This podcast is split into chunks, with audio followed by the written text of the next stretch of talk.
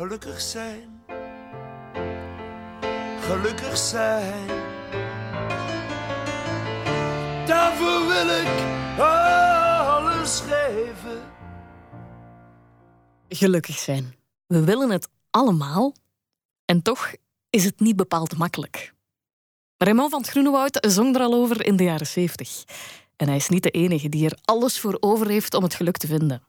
We zoeken massaal naar tips, tricks, levenslessen en handleidingen. Ik doe dat ook.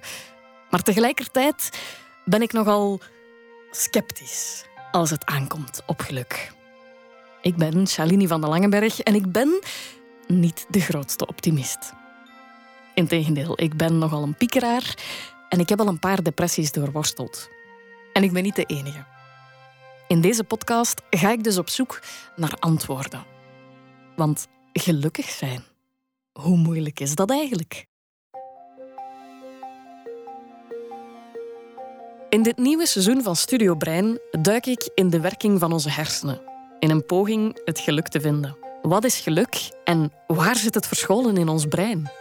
Als er iemand zegt dat hij het geheim van geluk gevonden heeft, geloof hem niet. Het is een kwakzalver of een charlatan. Hoeveel vat hebben we op ons geluk en waar loopt het mis? Onze obsessie met geluk maakt ons vaak ongelukkig. Vier afleveringen lang vraag ik hulp aan experten. Ik denk dat wij ons geheugen een beetje anders moeten gaan trainen. Ik praat met ervaringsdeskundigen. Ik overdenk de dingen heel snel en dat kost mij zeker wat punten op mijn geluksschaal. En ik deel mijn eigen zoektocht naar geluk. Met vallen en opstaan. Ik ben sinds het maken van deze podcast over geluk vaker ongelukkig. Welkom bij Studio Brein Geluk, een podcast van Breinwijzer met de steun van het Nieuwsblad.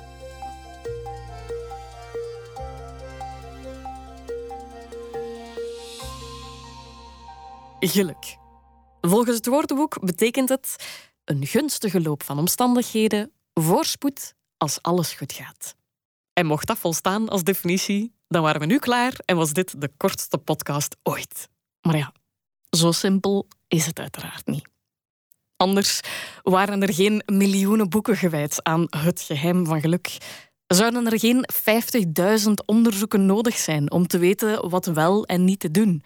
Of was er helemaal geen nood zelfs aan psychiatrie of psychologie? Geluk is dus meer dan een gunstige loop van omstandigheden. Maar wat dan? En waarom is die vraag moeilijker dan ze lijkt?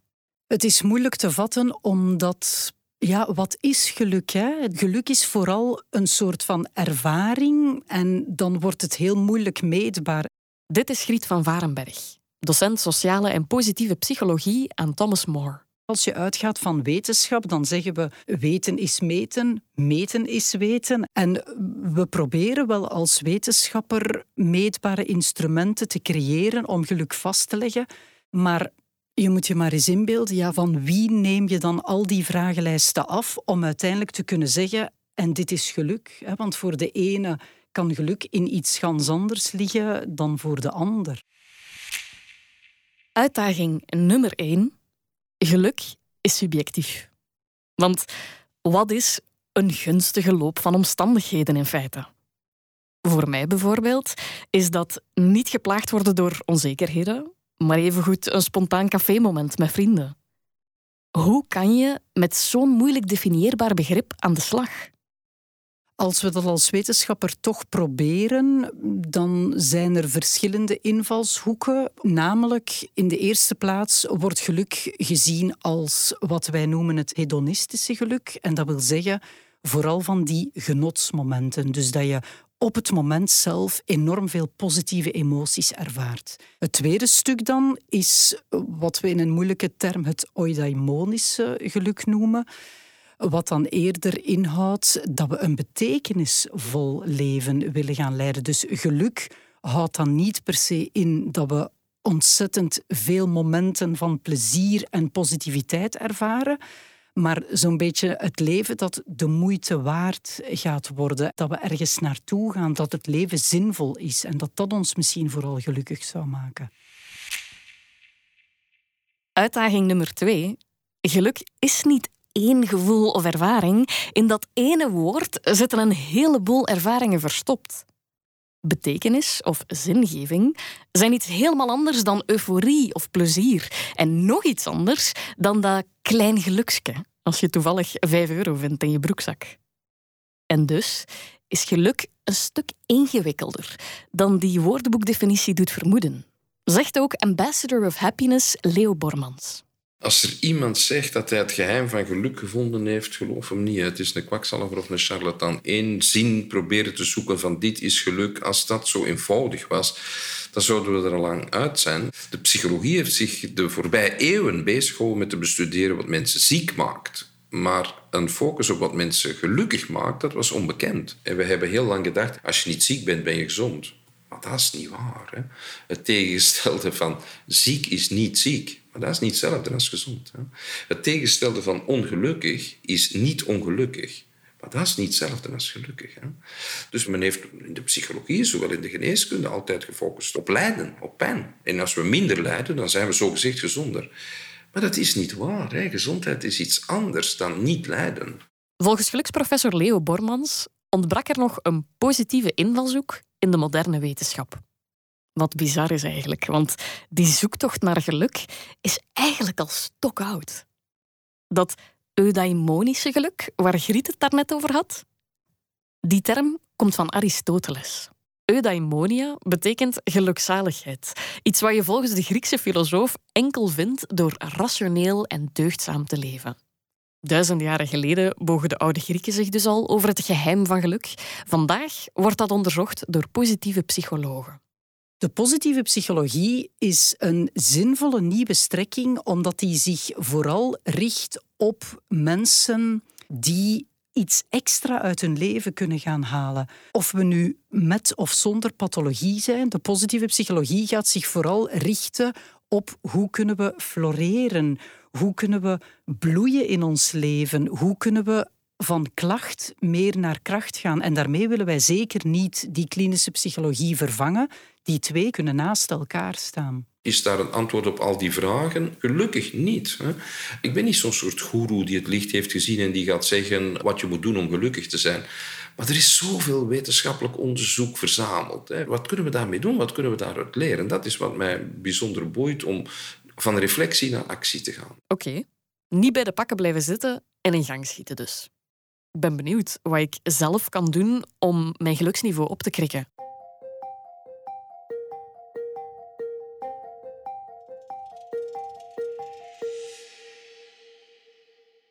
We weten ondertussen wat de positieve psychologie is en doet. En we weten ook ongeveer wat geluk betekent. Maar weten wat geluk is, maakt het nog niet per se gemakkelijker om het ook daadwerkelijk te zijn. Want in hoeverre heb ik daar dan zelf iets in te zeggen? Is geluk maakbaar? Leo Bormans gelooft alvast van wel. Het is niet een kwestie van wat ik denk, het is een kwestie van wat het is. Het is namelijk maakbaar, voor een deeltje. Men maakt ons wijs dat het allemaal maakbaar is. De business heeft dat heel goed ontdekt, hè, van hoe je dingen uh, aan de man brengt. Maar het is wel maakbaar, maar niet koopbaar. Dat is een verschil. Dat heb ik nog wel eens gehoord. Van iemand met een hele andere achtergrond. Want in deze podcast wil ik niet alleen praten met experten, maar ook met ervaringsdeskundigen of lotgenoten. En zo kwam ik bij Jens terecht. Ik ben Jens de Donker, ik ben stand-up comedian, ik werk voor tv en ik zit hier vandaag omdat ik zelf best al wel wat mentale problemen heb gehad op verschillende leeftijden en op verschillende manieren. Jens werd in het verleden ook al een aantal keer geconfronteerd met depressie. Onder andere door die ervaringen heeft hij een eigen visie op de maakbaarheid van geluk. Ik denk dat dat een beetje het probleem is dat ik toch vrij vaak zie rondom mij, en zeker bij mensen van mijn generatie of zelfs nog jonger, dat geluk een beetje verward wordt met leukigheid. Dat wordt ons ook constant zo verkocht als iets dat te consumeren valt, iets dat je heel gemakkelijk kunt kopen, letterlijk. Er wordt niet zomaar een reis naar een exotische bestemming aangeboden, maar er wordt ons ja, geluk verkocht en rust. En, enfin, er worden allemaal termen aan dingen hangen die er eigenlijk niet echt veel mee te maken hebben. En ja, ik denk dat we zo soms een beetje uit het oog verloren zijn dat geluk een bijproduct is van andere dingen. Van uh, u waardevol voelen in wat voor context dan ook. Het is zo vanzelfsprekend en toch lijken we het met z'n allen geregeld te vergeten. Geluk is niet te koop, maar wel maakbaar. Of toch alleszins volgens de positieve psychologie. Hoe werkt dat dan precies? In de positieve psychologie gaan we ons richten op wat genoemd wordt positief psychologische interventies, oftewel PPI's. Dat zijn allerlei mogelijke tools, gedragingen, activiteiten die we kunnen inzetten om niet per se alleen om gelukkiger te worden. De positieve psychologie gaat echt wel veel breder kijken dan enkel het vergroten van het geluk.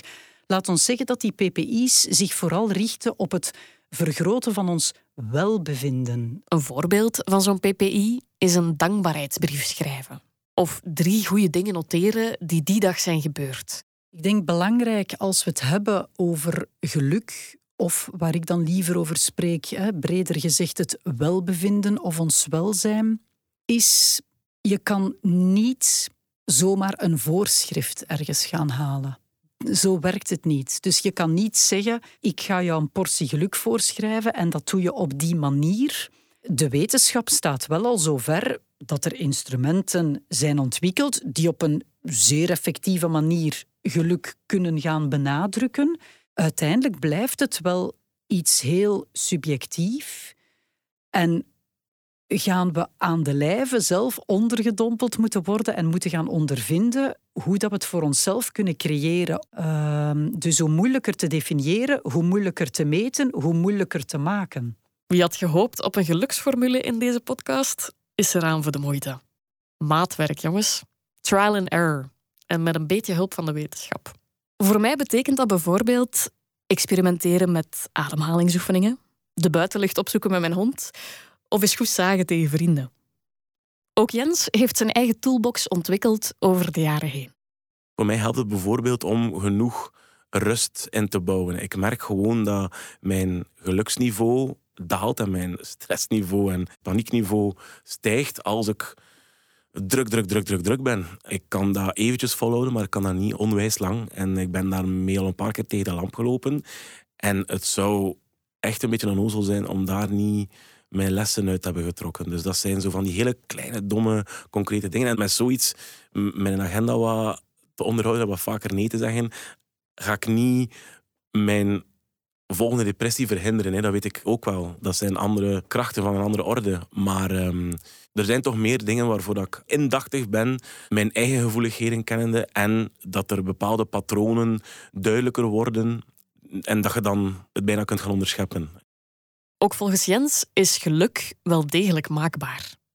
Tot op zekere hoogte tenminste. Hij zei het zelf ook al, met een lege agenda voorkom je echt geen depressie. Dirk de Wachter weet dat maar al te goed. Als psychiater ziet hij in zijn praktijk dagelijks dat het geluk niet voor iedereen voor het oprapen ligt. Er is heel veel toevallige noodlottigheid in dit leven. En daarbinnen, en dat is natuurlijk erg belangrijk, binnen de noodlottigheid die gegeven is, is er een zekere marge om zelf verschil te maken. Ik ben een psychiater. Ik zoek met mensen naar die marge. En ik zit hier met hen, niet om te zeggen van ja, dat is het noodlot, daar is niks aan te doen, maar om te zeggen, oh, daar kunnen we niet veranderen. Maar nu gaan we in het hier en nu, in de toekomst, kijken hoe dat we daar toch een klein beetje maakbaarheid kunnen tegenover zetten. Eenzelfde leven kan betekenisvol en goed en gelukkig verlopen, ook met lastige traumatische ervaringen. Dus er is binnen de grote noodlottigheid waar we niks kunnen aan veranderen, een maakbaarheid, een keuze die verschil kan maken. Anders zou ik hier niet zitten als psychiater. Het is opgevend als ik erover nadenk. Lotgenoten, filosofen, psychologen en psychiaters die zijn het erover eens we kunnen wel iets aanvangen met dat geluksniveau. Al mogen we ook niet overschatten hoeveel we daaraan kunnen morrelen. Het is meteen ook de grootste kritiek op de positieve psychologie als vakgebied. Dat het verkeerde verwachtingen schept of een bepaalde geluksdwang oplegt. En dat het daardoor, ironisch genoeg, mensen het ongelukkiger maakt. De kritiek die er gekomen is op de positieve psychologie zit hem eigenlijk in de naam. Eigenlijk zou je kunnen zeggen dat de naam een beetje verkeerd gekozen is, want wanneer dat je dat hoort, denken mensen dat het alleen maar over positiviteit mag gaan. Dat zogezegde negatieve emoties niet meer zouden mogen zijn. En dan vind ik die kritiek heel gegrond, want dat is niet wat de positieve psychologie werkelijk doet. Dan hebben we te maken met toxische positiviteit. En dat is niet hoe dat het werkelijke leven is. En dat is ook niet wat de positieve psychologie tracht te bestuderen. De positieve psychologie gaat bezig zijn met hoe kunnen we floreren, hoe kunnen we gelukkig zijn, hoe kunnen we zoveel mogelijk positieve emoties ervaren en gaat daarnaast ook kijken wat is de functie van zogezegd negatieve emoties en hoe kunnen we daarmee leren omgaan. Toen ik mentale struggles had, heb ik dat in de pers gebracht, dus iedereen wist daarvan. En dan krijg je heel vaak ja, nogal stomzinnige dingen te horen, zoals ja, maar probeer dan toch die knop om te draaien. Of ja, maar je hebt toch alles, wat kun jij nu eigenlijk mee inzetten?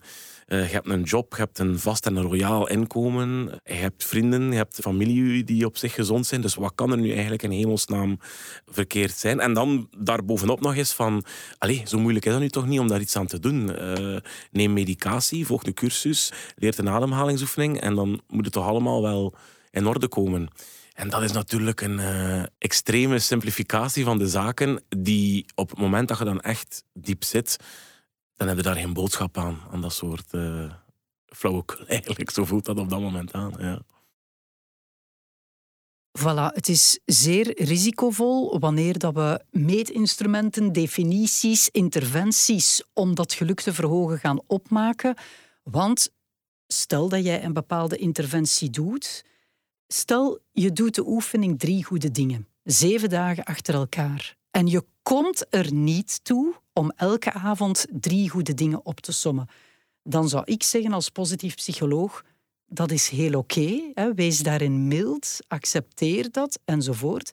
Maar als jij niet meer achtergrond hebt en je vliegt in zo'n interventie en je komt niet op drie goede dingen, dan zou dat wel eens heel pijnlijk en heel confronterend kunnen zijn. Been there, done that.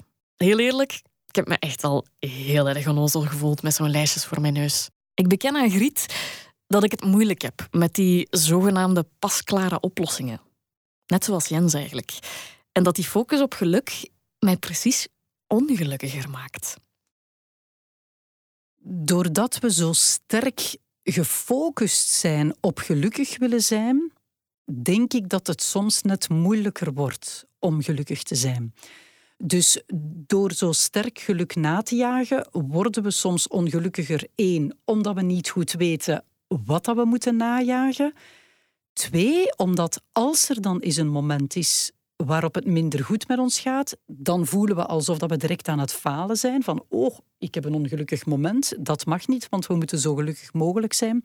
Dus er komt dan een soort geforceerde toestand naar boven. En dat is natuurlijk niet wat geluk inhoudt. Dus hoe groter onze obsessie met dat geforceerde geluk, hoe meer we misschien ongelukkig gaan worden.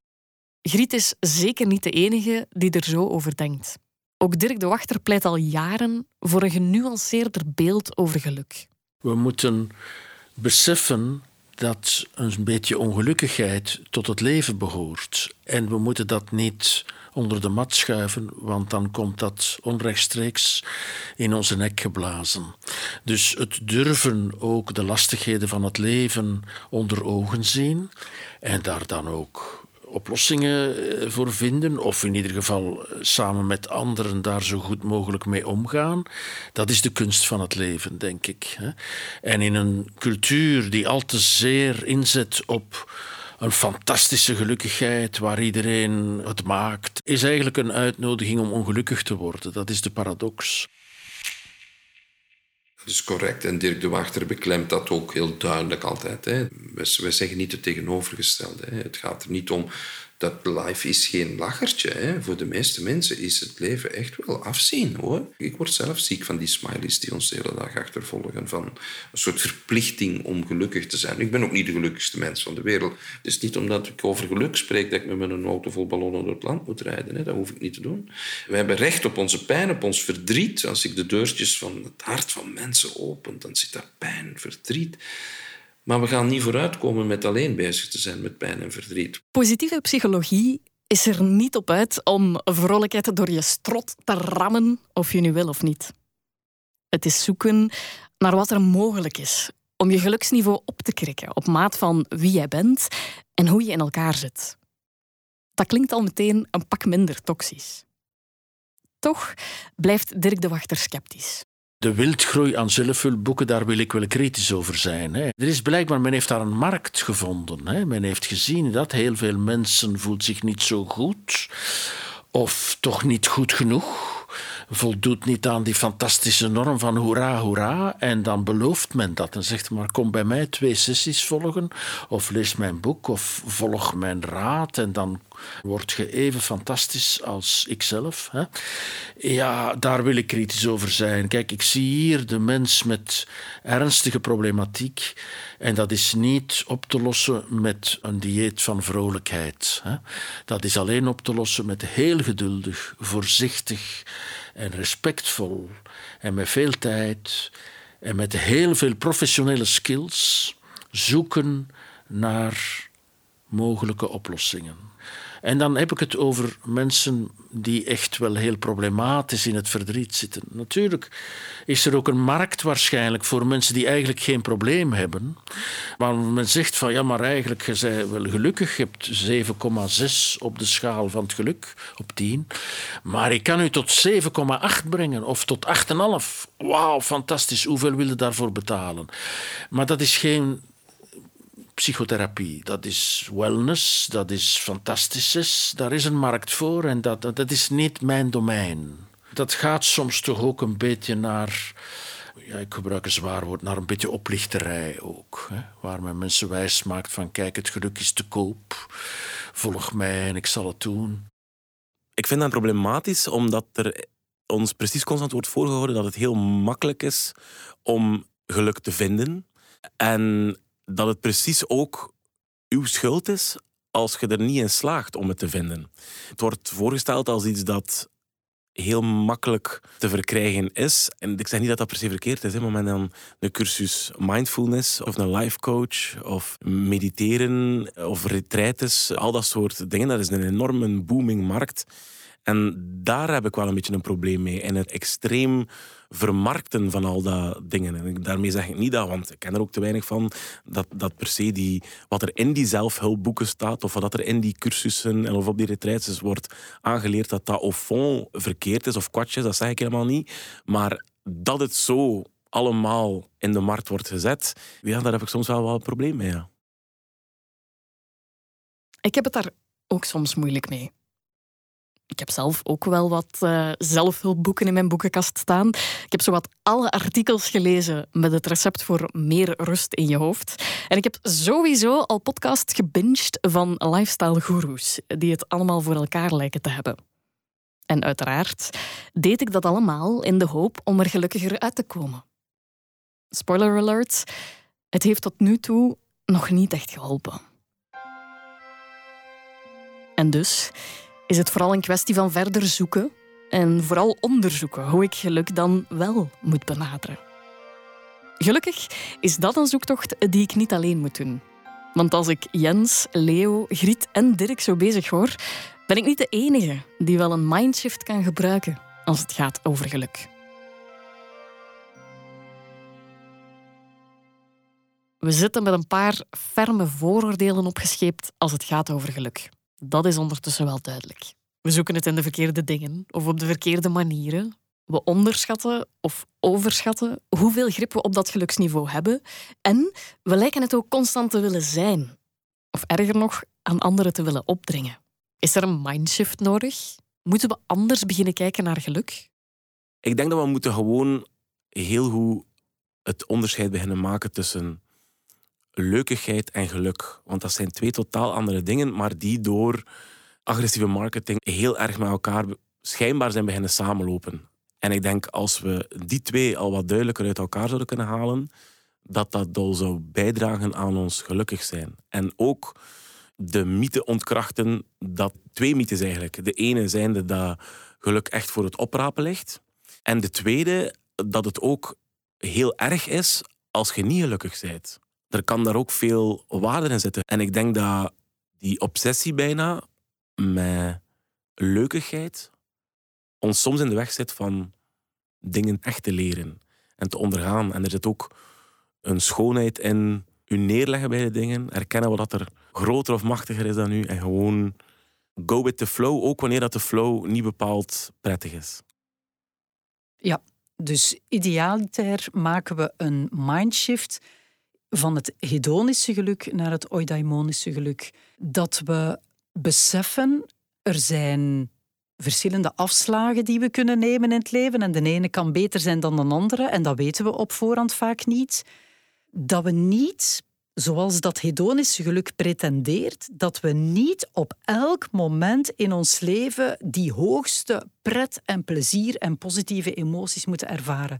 Er is maar één soort mens dat op een bepaald moment geen pijn meer ervaart, geen teleurstelling meer ervaart, geen liefdesverdriet meer ervaart. Dat is een dode mens. Dus zolang als dat je aan het leven bent, heb je te maken met alle mogelijke kleuren van emoties. En dat is heel oké, die mogen er allemaal zijn.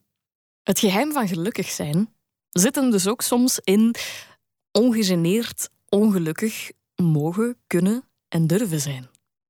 Psychiater Dirk de Wachter schreef daar zelfs een boek over, De kunst van het ongelukkig zijn.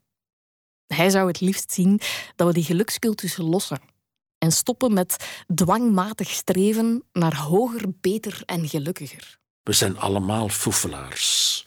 We zijn allemaal prutsers. Maar laten we proberen dat zo verbonden mogelijk te doen. En laten we ook proberen dat doen in waardigheid. Niet slachtofferig wegkruipen van ja, ik kan het niet en het is toch niet goed en ik weet niet wat zeggen. Natuurlijk loopt dat niet allemaal fantastisch. Dat kan niet. Dat is wat je doet. Maar laten we dat doen en dan citeer ik graag Charles Bukowski met stijl. Style is the answer to everything. En de doelstelling zou dan moeten zijn: hoe kan ik mijn medemens een beetje meer gelukkig maken? Dat is niet alleen de taak van psychiaters en psychotherapeuten, dat is de taak van de hele gemeenschap, vind ik. Niet om de gelukkigen nog gelukkiger te maken, maar om de wat minder gelukkigen over de streep te trekken. Dat is eigenlijk de opdracht van de mens in de maatschappij. Ik voel mij een beetje knullig als ik het Dirk de Wachter hoor vertellen. Want eigenlijk weten we het allemaal wel. Er is al zoveel over geluk geschreven, gefilosofeerd en gedebatteerd.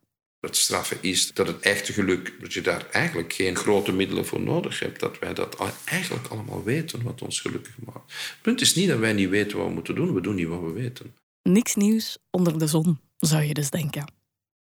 En toch, toch is het nuttig om ons bewust te zijn dat er een gelukscultus is, die mensen zoals ik horen dol maakt af en toe. Of dat geluk wel degelijk maakbaar is, maar verre van volledig. En dat het dus best oké is om aan te modderen. Mezelf gelukkig voelen is voorlopig misschien een brug te ver, maar een stijlvolle prutser, daar kan ik mezelf wel in vinden.